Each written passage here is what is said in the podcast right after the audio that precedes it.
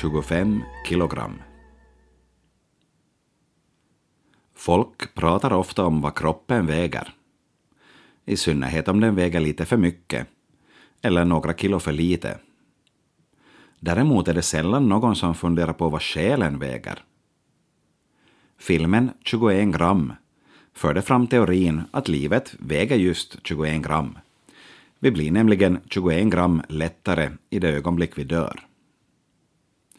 Jag vill lansera en kraftigt avvikande teori. Jag anser att livet väger hela 25 kilogram.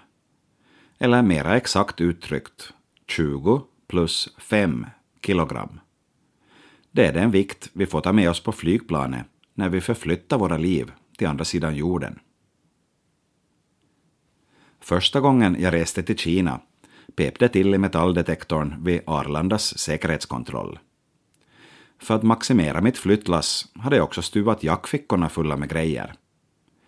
I vanlig ordning ombads jag att tömma fickorna och ur läderrockens djupa gömmor fiskade jag fram en kamera, filmrullar, en freestyle med tillhörande lurar, extra batterier och några musikkassetter.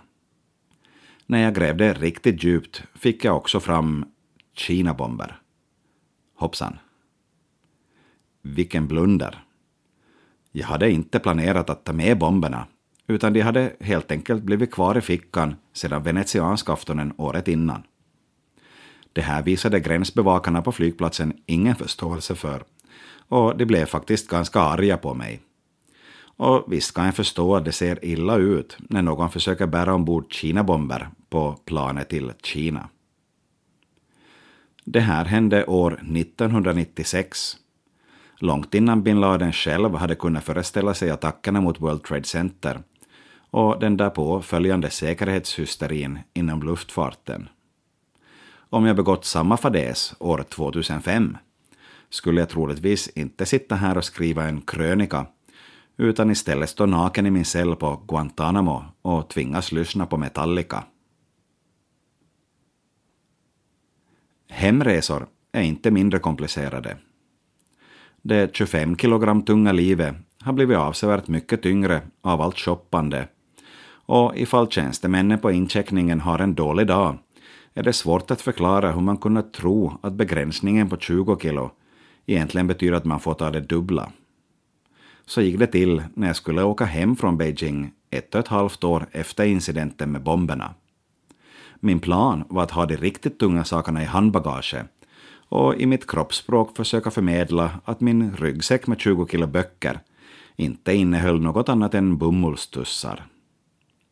Vid incheckningen kommenderade Finners personal dock upp alla mina väskor på vågen och de gula fyrkantiga siffrorna blinkade ofattbara 45 kilogram.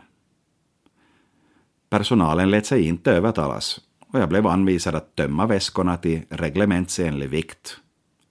Det som hamnade på utsidan av väskorna kunde jag sen sända hem med posten, menade de. Jag hade varken pengar eller tid. Folkrepublikens valuta hade jag bränt till sista juanen i tron att jag smidigt skulle glida ut ur landet och få käka gratis på flyget som avgick om en halvtimme. Nu var goda råd dyra, närmare bestämt cirka 2000 mark, som jag inte hade.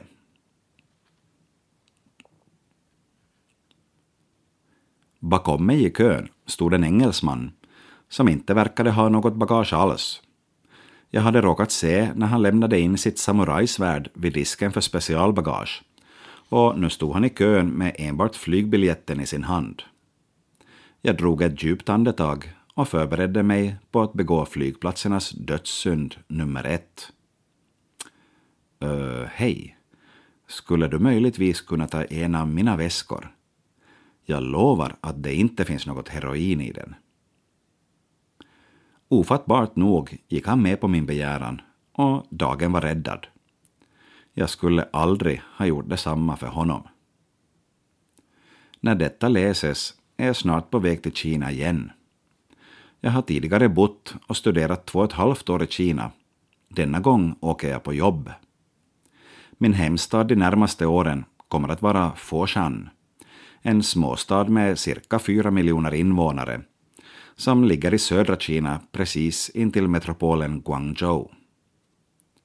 Den annars förhatliga värmen i södra Kina för en god sak med sig. Jag behöver inte packa någon skrymmande dunjacka eller andra vinterkläder. Också vintertid är det i regel lika varmt som en majdag i Norden. Istället har jag fantiserat om att ta med mig min katt. Enligt uppgift är det inte svårt att ta in den i Kina.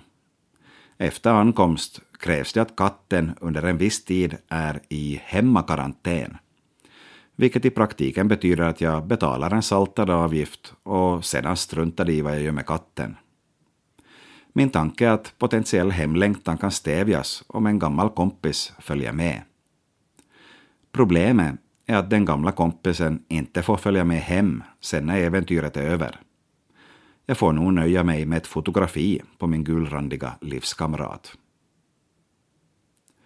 Titta dig omkring hemma och fundera på vilka 25 gram du skulle ta med dig av ditt liv. Det är nu den åttonde gången jag flyttar utomlands. Det blir bara svårare för varje gång.